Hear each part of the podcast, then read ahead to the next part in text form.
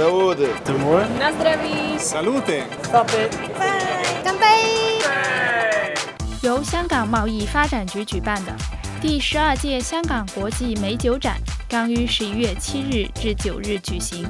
这项业界盛事汇集来自三十个国家及地区的一千零七十五家国际参展商，向业界及公众展示他们的佳酿。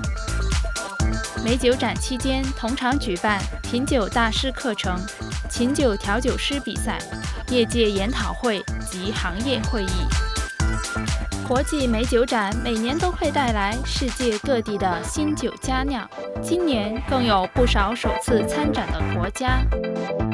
We knew about this uh, fair from internet and decided to take part in this exhibition. Today morning we met some buyers and uh, these buyers are very professional. 该公司是乌克兰最大的啤酒出口商， 业务占乌克兰六成啤酒出口，白俄罗斯、非洲是他们的主要市场。二零一一年开始拓展中国市场，他们希望透过展览开拓更多中国城市以及亚洲出口市场。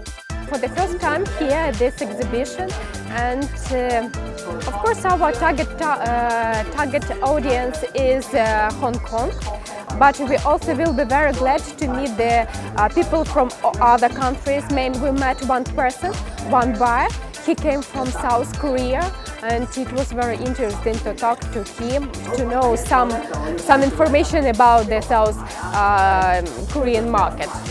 今年展览首次设有手工啤专区，各式各样设计独特的啤酒瓶吸引买家的眼球。 美酒展每年都会举办行业会议，今年以“酒进新一代”为题，邀请葡萄酒大师 Debra Meiburg 女士主持会议。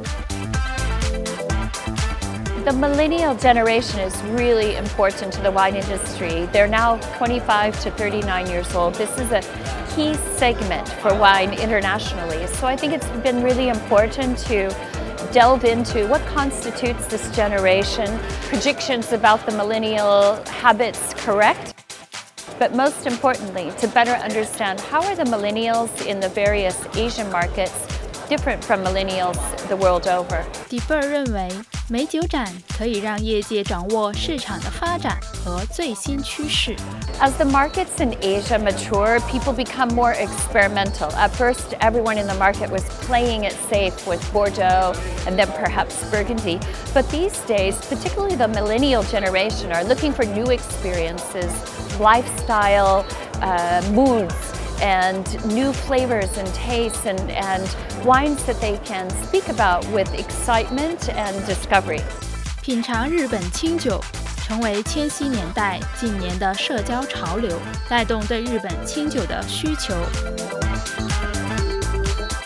其实，在香港的话，我觉得蛮多人他是想感受一个生活的体验，就是他来喝这个呢，不一定他真的只是为了去搭配日料。在这个展会的经验呢，我觉得他们其实并没有那么深，因为他们只是知道什么是纯米大吟酿，什么是吟酿。但是我想让大家知道什么是十年熟成。然后再多一个就是什么是生酒。我认为我通过一次来香港推广，两次、三次更多的，我相信大家会从这个国际的市场当中去摸索，会更明白它。碰一碰杯，结交新朋友，促成新业务。国际美酒展汇聚环球酒商，进行商贸配对，各式精彩活动推广喝酒文化，为业界缔造商机。